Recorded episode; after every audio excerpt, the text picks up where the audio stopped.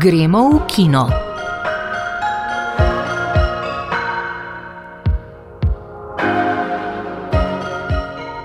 Dobr dan in dobrodošli v naši filmski oddaji. S podelitvijo nagrad se je sklenil Berlinale in tako kot na zadnji Beneški mostri je v Berlinu slavil dokumentarni film in prav tem se posveča Ljubljanski festival dokumentarnega filma. Predstavili bomo 25. edicijo, ki se bo začela prihodnji teden. Kateri sta izbrani novosti iz rednega sporeda? Ocenjujemo Ilirikum, zgodovinski film in mednarodno koprodukcijo slovensko udeležbo, ter Rimini, prvi del diptiha avstrijskega provokatorja Ulriha Zajdla. O filmu smo že govorili, zdaj sledi recenzija. V oddaji gremo v kino. Od prihodnjega petka, od 10. do 17. marca, se bo v Ljubljani odvil 25. festival dokumentarnega filma. Odprl ga bo film Bela Čao za svobodo. Raziskuje izvor priljubljenega italijanskega napeva, ki je postal univerzalna pesem upora proti avtoritarnim režimom. Stalnica festivala je že od leta 2009 nagrada Amnesty International Slovenije za najboljši film na temo človekovih pravic. V okviru tekmovalnega programa si bomo ogledali pet dokumentarcev. Več programski vodja festivala Simon Popek. Pred mikrofon ga je povabila Tesa Drev Juh. Ja, tukaj so seveda vedno filmi, ki so bolj ali manj zelo aktualni, ne, neke pereče teme. Vemo, da svet je pač ni, ni v najboljšem stanju. Ne, tako da prvi film, ki je sigurno zelo od lani jesen postal znova zelo uh, pomemben, je, je švedski film Abodi moj glas o, o protestu žensk v Iranu. Vemo, da lani in še vedno pač protestirajo proti islamski oblasti, proti nošenju hijaba in tako dalje. In tukaj film portretira to znamenito ameriško. Iransko aktivistko, ki preko socialnih medijev seveda zelo pozarja, predvsem v ZDA, torej na ta pereč problem iranske družbe. Ne. Kaj za Suzana, recimo, je francoski dokumentarc o taki rekel, skrivni, v družščini uh, moški, ki so se radi oblačili v ženske že v 50-ih letih, seveda takrat je bila še posebej ameriška družba zelo konservativna ne, in tukaj gre pač za eno zanimivo zgodbo, seveda potem so mnogi od teh moških so potem tudi spremenili spol, tako da ta transspolna tematika je danes tudi zelo vedno bolj se o njej govori, zelo aktualna. Ne. Hiša iz Trsk govori na posreden način o ukrajinski vojni, ne, ki divja za številne Ukrajince je vojna že od leta 2014, oziroma vsaj je to neko obsedeno stanje. Ne, in hiša iz Trsk govori o nekem prostoru, pač, kjer otroci, ki so bili za, zapuščeni ali ki so zapostavljeni, pač, čakajo na odločitev ukrajinskih sodišč, torej kakšna bo njihova soda, komu jih bodo dali v vzgojo in pa v seveda varstvo. Ne. Tako da tukaj govori seveda čist zelo posredno o vojni oziroma o tem stanju, ki je v Ukrajini že zelo dolg časa prisotno.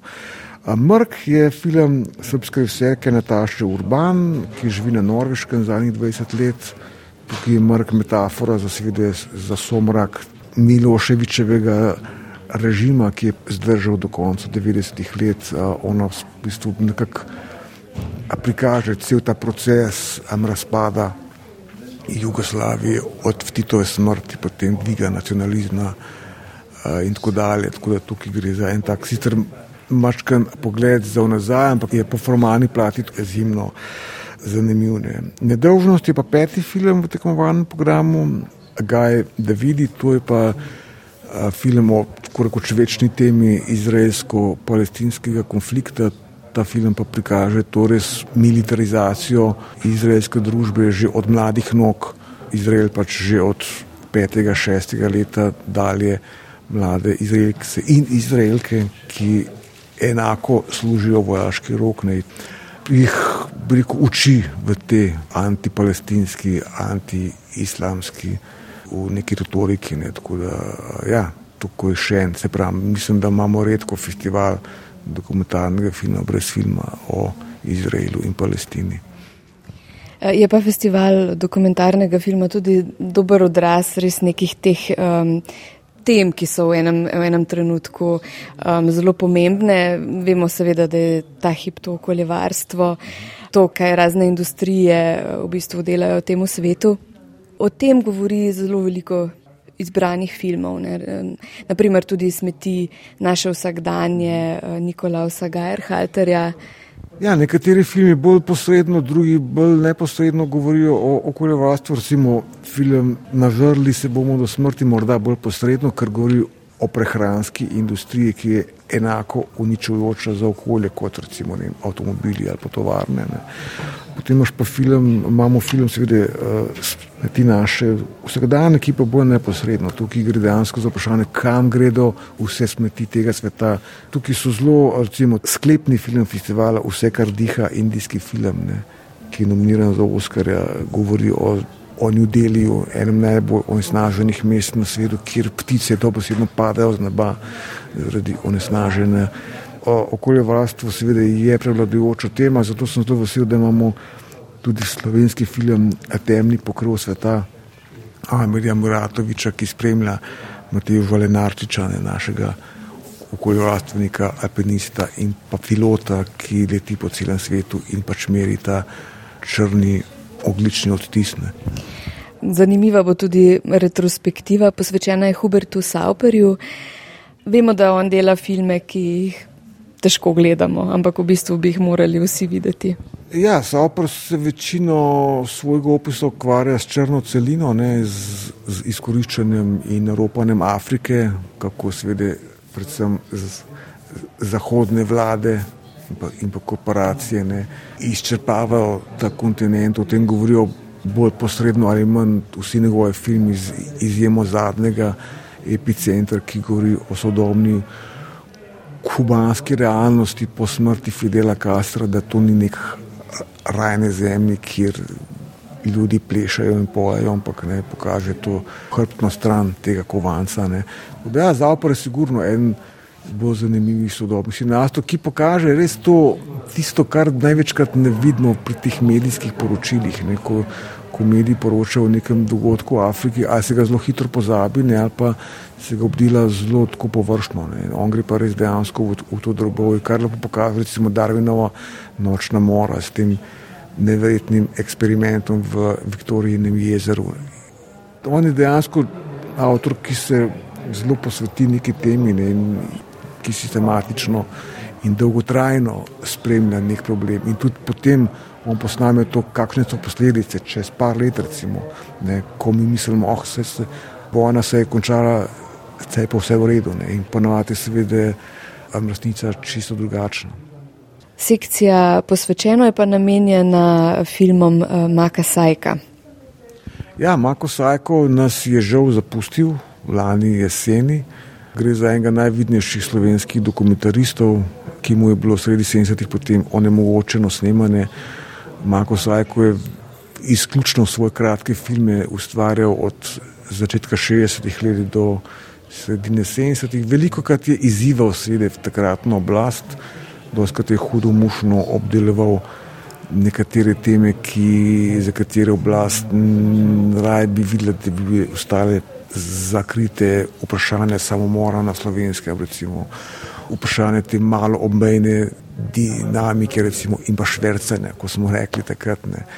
En prvih je spregovoril tudi v evropskem prostoru no, o okoljevarstveni tematiki, ne strupi so bili tak film. Ne.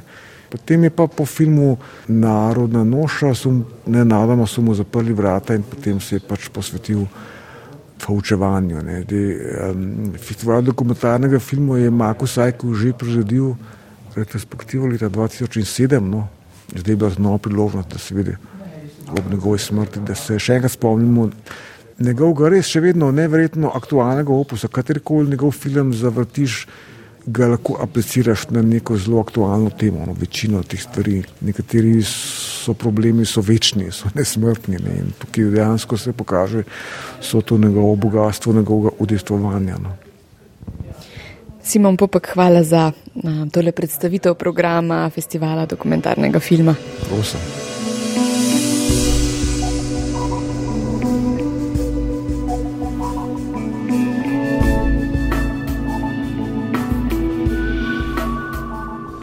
Nemški prestolnici se je konec minulega tedna sklenil 73. Berlinale.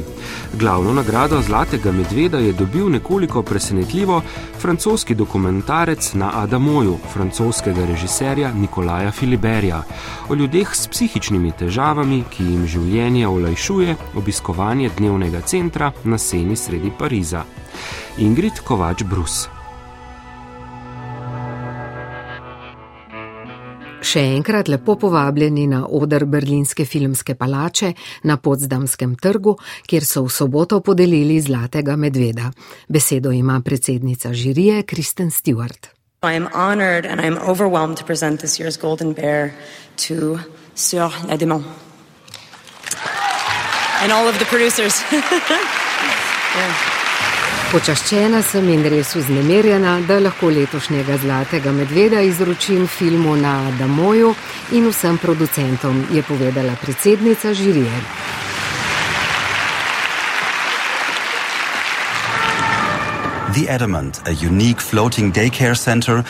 Adamo je enkraten plavajoči center za dnevno oskrbo na reki Seni sredi Pariza, ki sprejema odrasle z duševnimi težavami.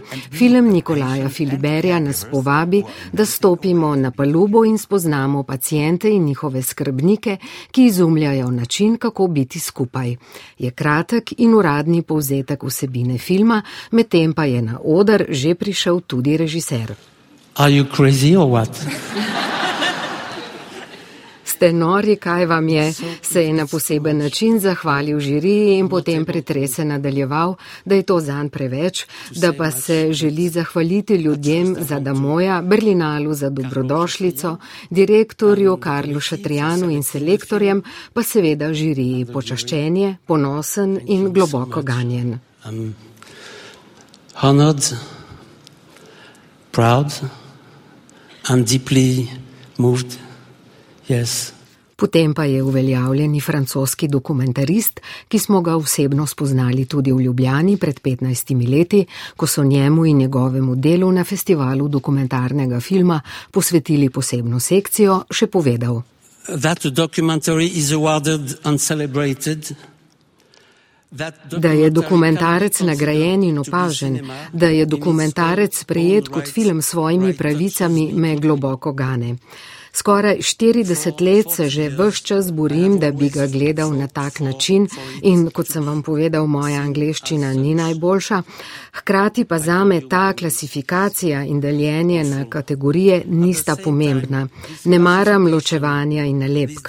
V tem filmu, ki sem ga snemal na psihiatriji, na Adamoju, skoraj da ne razlikujemo, kdo je bolnik in kdo osebje. In prav je tako. Obrniti poskušam sliko, ki jo imamo o ljudeh z duševnimi motnjami in ki je tako diskriminatorna in ki stigmatizira. Želim si, da bi se lahko z njimi, če že ne, identificirali, vsaj spoznali na način, ki ne razlikuje in je human in daje občutek, da smo del istega sveta. Saj vsi vemo, da najbolj nori ljudje niso tisti, za katere mislimo, da so. As we all know, the craziest people are not those we think they are. Tako kot v svojem obsežnem filmskem opusu, tudi v dokumentarcu na Adamoju, 72-letni Nikola Filiber neusiljivo opazuje dogajanje okoli sebe. Njegova kamera je nevidna, ko vstopa v plavajoči center in postane del skupnosti. In z njima tudi gledalec, ki skupaj s pacijenti preživi dan na delavnicah, v pogovorih, ki niso nič kaj dosti drugačni od tistih z bregov Sene ali pa Ljubljanice. Rajska misaka, persaka na zotika. Pred sami me videnja zotika. Poslušate oddajo Gremo v kino. Nadaljujemo s filmsko rariteto, ki je nastala pod taktirko hrvaškega režiserja. Pri realizaciji pa sta na pomoč priskočila slovenska produkcijska hiša in igralec. To je film Ilirikum, ki je po besedah režiserja Simona Bogojeviča Narata nastal iz radovednosti. Z ekipo so se prvi, kot pravi, lotili filma o Ilirih v kontekstu popkulture in to ne samo na Hrvaškem, ampak na svetu. A obdobje so kljub temu skušali poustvariti natančno in verodostojno. Leta 37 pred našim štetjem se mladi Ilir pridruži rimski enoti na nevarnem potovanju v eno najmračnejših regij cesarstva. Na vides preprosta naloga pobiranja davkov se sprevrže v napeto srečanje z domnevno pokorjenimi ilirskimi plemeni. V vlogi rimskega vojaka nastopi Robert Prebil. Glavni zaplet je v bistvu spopad nesmislov. Ne. Nesmiselno je to, da se film začne s tem, da vidiš, da, da so iliri v, nek, neki situaciji, ki nimajo ne za jesti, ne za piti in potem. In potem k njim prihaja nek rimski pobiralec davkov, ki bo pobral tam, kjer itak ni nič zadati, in potem se ti liri med sabo začnejo krasti in, in celo pobijati. In, skratka, nesmisel na nesmisel na nesmisel in, in, in to na koncu pripelje do neke erupcije, ki je končni nesmisel, neka prispodoba vojne. To, kar zdaj živimo trenutno in to, kar smo pred 30 leti v tej bivši naši državi doživeli, v bistvu je na nek način mal zgodovinsko prikrita ta sodobnejša zgodba treh plemen, ki so mogli nek skupni dom razsuditi, ne da bi vedeli zakaj. Ilirikum si je ogledal Igor Harp.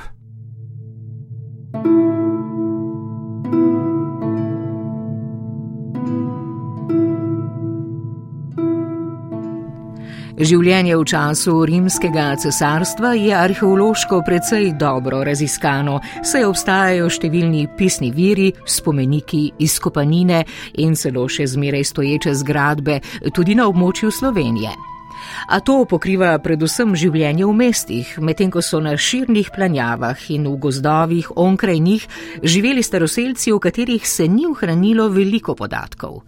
Na območju Slovenije in širšega Balkana so takrat živeli iliri in ker za njimi niso ostali obsežni zapisi ali druga stvarna dediščina, je bil scenarist in režiser Simon Bogojevič Narad pri ustvarjanju filma prisiljen iz drobcev izluščiti številne podrobnosti, vključno z jezikom. Pri tem je bil deležen široke podpore hrvaške akademske sfere, da bi lahko ustvaril film s kar se da verno podobo življenja na območju Balkana pred dvema tisočletjema. Illirikum je zgodba o pastirju Volsusu, ki mu poglavar nekega barbarskega plemena posili in umori ženo, zato se odpravi na pot maščevanja. Na tej poti naleti na rimsko legijo in se ji pridruži kot nosač. Večina filma prikazuje vsak dan v rimski utrjeni postojanki, ki stoji sredi planjave, daleč od kakršnekoli civilizacije. Vodijo Mark Plauti, mlad pobiralec davkov oziroma publikan, ki dneve preživlja v popivanju in objemu svojega ljubimca, saj na to preprosto nalogo gleda kot na stopničko v karieri. Med vojaki je najbolj zanimiv centurion Decimus Fabius, ki ga slovenski igralec Robert Prebil odigra z očitno karizmo in kančkom humorja. Film bo brez dvoma pritegnil tiste, ki jih zanima zgodovina, saj ponudi edinstveni upogled. Ljubitelji bolj pustolovskih filmov, kot je Denimo Gladiator, pa bodo žal razočarani, saj akcije ni veliko in še tista je omejena na skrajno surovo nasilje. To film deloma postavlja ob bok lanskemu severnjaku, ki je prikazal vikinško življenje in maščevanje, ali pa apokaliptu, kjer smo dobili v pogled v izgubljeno majovsko civilizacijo, vendar je kakopak na vsakem koraku očitna več desetkratna razlika v proračunu. Scenografija in kostumi so dobro narejeni, čeprav niso dovolj ponošani, medtem ko se izkaže, da je uporaba mrtvih oziroma izmišljenih jezikov za nekatere igralce prezahtevna, kar se kaže na neprepričljivosti njihovih likov. Ključna razlika je odsotnost akcije. Prav akcija zaznamuje prej omenjene filme, medtem ko v Ilirikumu spremljamo razmeroma nesposobne slehernike v dokaj dolgočasnem vsakdanu. A kot je razložil režiser v intervjuju za naš RTV-jevski portal MMC, si predstavlja, da je bilo življenje na provinciji dejansko tako. Brško ne ima prav.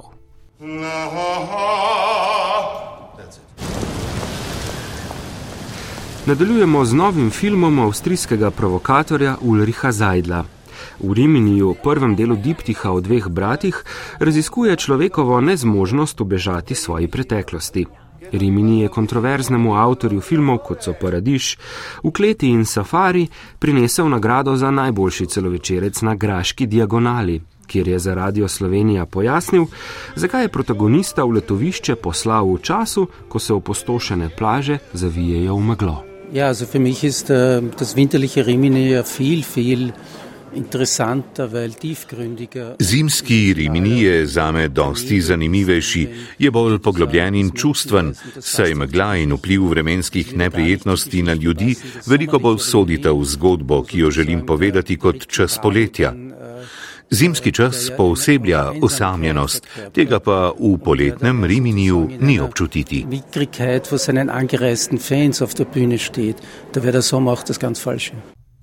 Rimini postane mesto duhov in po njem blodi pevec srednjih let z umetniškim imenom Riči Bravo. Igra ga Mihael Tomas, s katerim je Zajdel že sodeloval v filmu Paradiš upanje. Riči poje svoje šlagarje, ki so ustvarjeni posebej za film.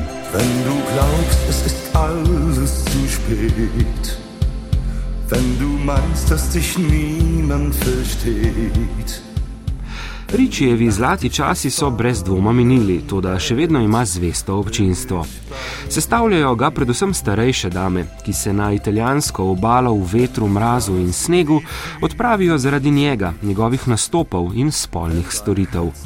Rimini si je ogledal Moanis Sinanovič, za nje, kot pravi, Rimini najboljši film tega kinematografskega leta.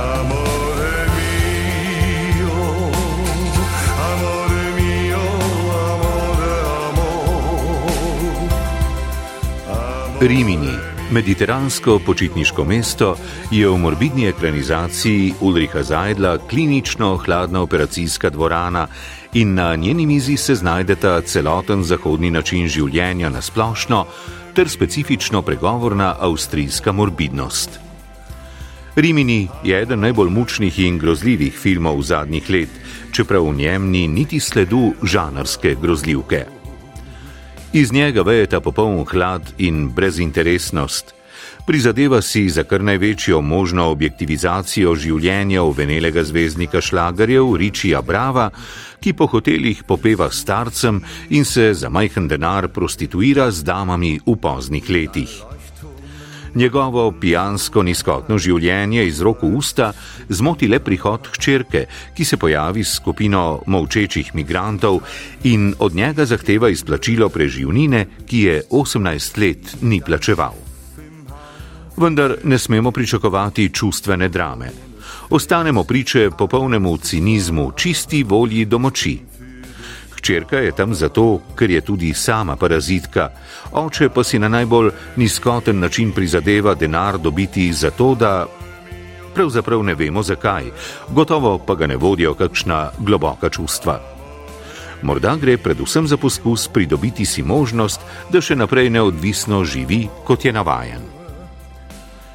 Posnetki pustih plaž, zapuščenih hotelskih objektov, kleti, kičastih soban, vedno isto ponavljanje enakih kadrov zavrženosti, ki jih posiljujejo molčeči brezdomni migranti, popolnoma demistificirajo naše predstave o počitnicah. Jug, kamor gre na počitnice, je za srednjeevropskega človeka pogosto kraj, kjer skuša izživeti svoje nezavedno, da bi ga to popeljalo iz temačnih globin na svetlo.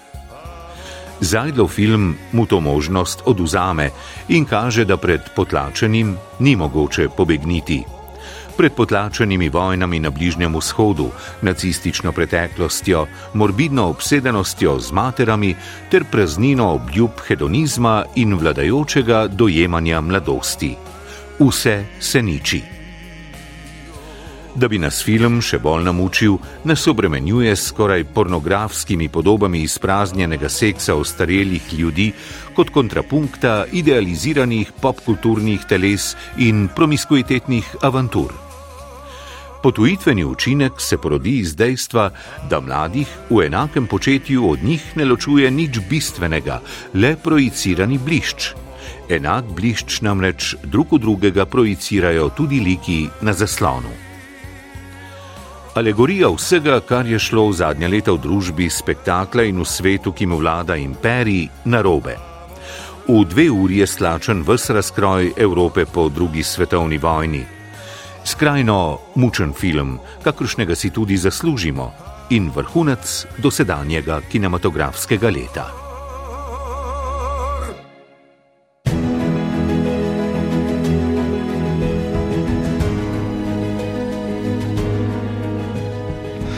Večkrat nagrajeni kratki animirano-dokumentarni film Babičino seksualno življenje slovenske režiserke Urške Džukič je konec prejšnjega tedna slavil tudi na podelitvi francoskih filmskih nagrad. Prejel je Cezarja v kategoriji najboljši animirani kratki film. Film je nastal v slovensko-francoski koprodukciji, so režiserko in animatorko Emily Pižar.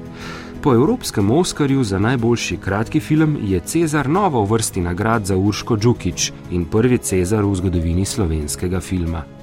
Nisem tega pričakovala, iskreno. Sem pa vedela, da je zelo pomembna tema, zelo pomemben film in sem si želela, da bi ga čim več ljudi imeli priložnost videti, se o tem pogovarjati. In to se je tudi zgodilo. Najbolj sem pa vesela, ko mi ljudje povejo, da ko so ga pogledali da je to naredili nek, nek, um, neko spremembo v njih, da so se začeli tudi doma mogoče več pogovarjati o tej intimi ali pa o, zgodovine, o zgodovini intime, kako je včasih bilo, pa kako je tudi danes ponekod in kako so se nekatere starejše gospe tudi mehan bolj odprle um, na to temo, ko pač prej se o tem ni uh, govoril. Tako da sem zelo, zelo vesela, da, da je film dosegel veliko ljudi in jih tudi ganil.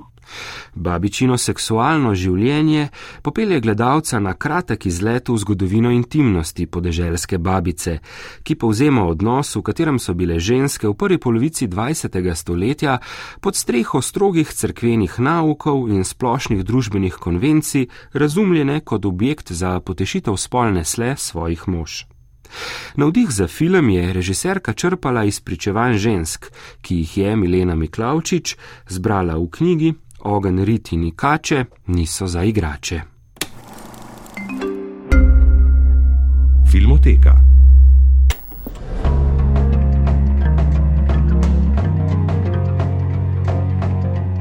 Letos je preteklo stoletje, odkar se je poslovil pisatelj Ivan Tavčar.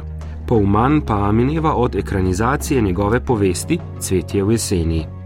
Melanholično pripoved o tragični ljubezni slovenskega podeželja je leta 1973 po pisateljevi predlogi režiral Matjaš Klopčič.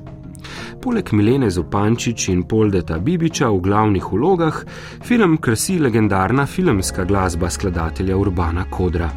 Cvetje v jeseni je prvi celovečerec, pri katerem je kot koproducent sodelovala RTV Ljubljana. RTV Slovenija je leta 2012 prav s tem filmom začela proces digitalizacije in restauracije svojega bogatega video in audio arhiva. Cvetje v jeseni je zdaj na voljo za ogled prek spleta, v digitalizirani in restaurirani različici, v filmoteki, v aplikaciji RTV 365 in na spletni strani založbe kakovostnih programov.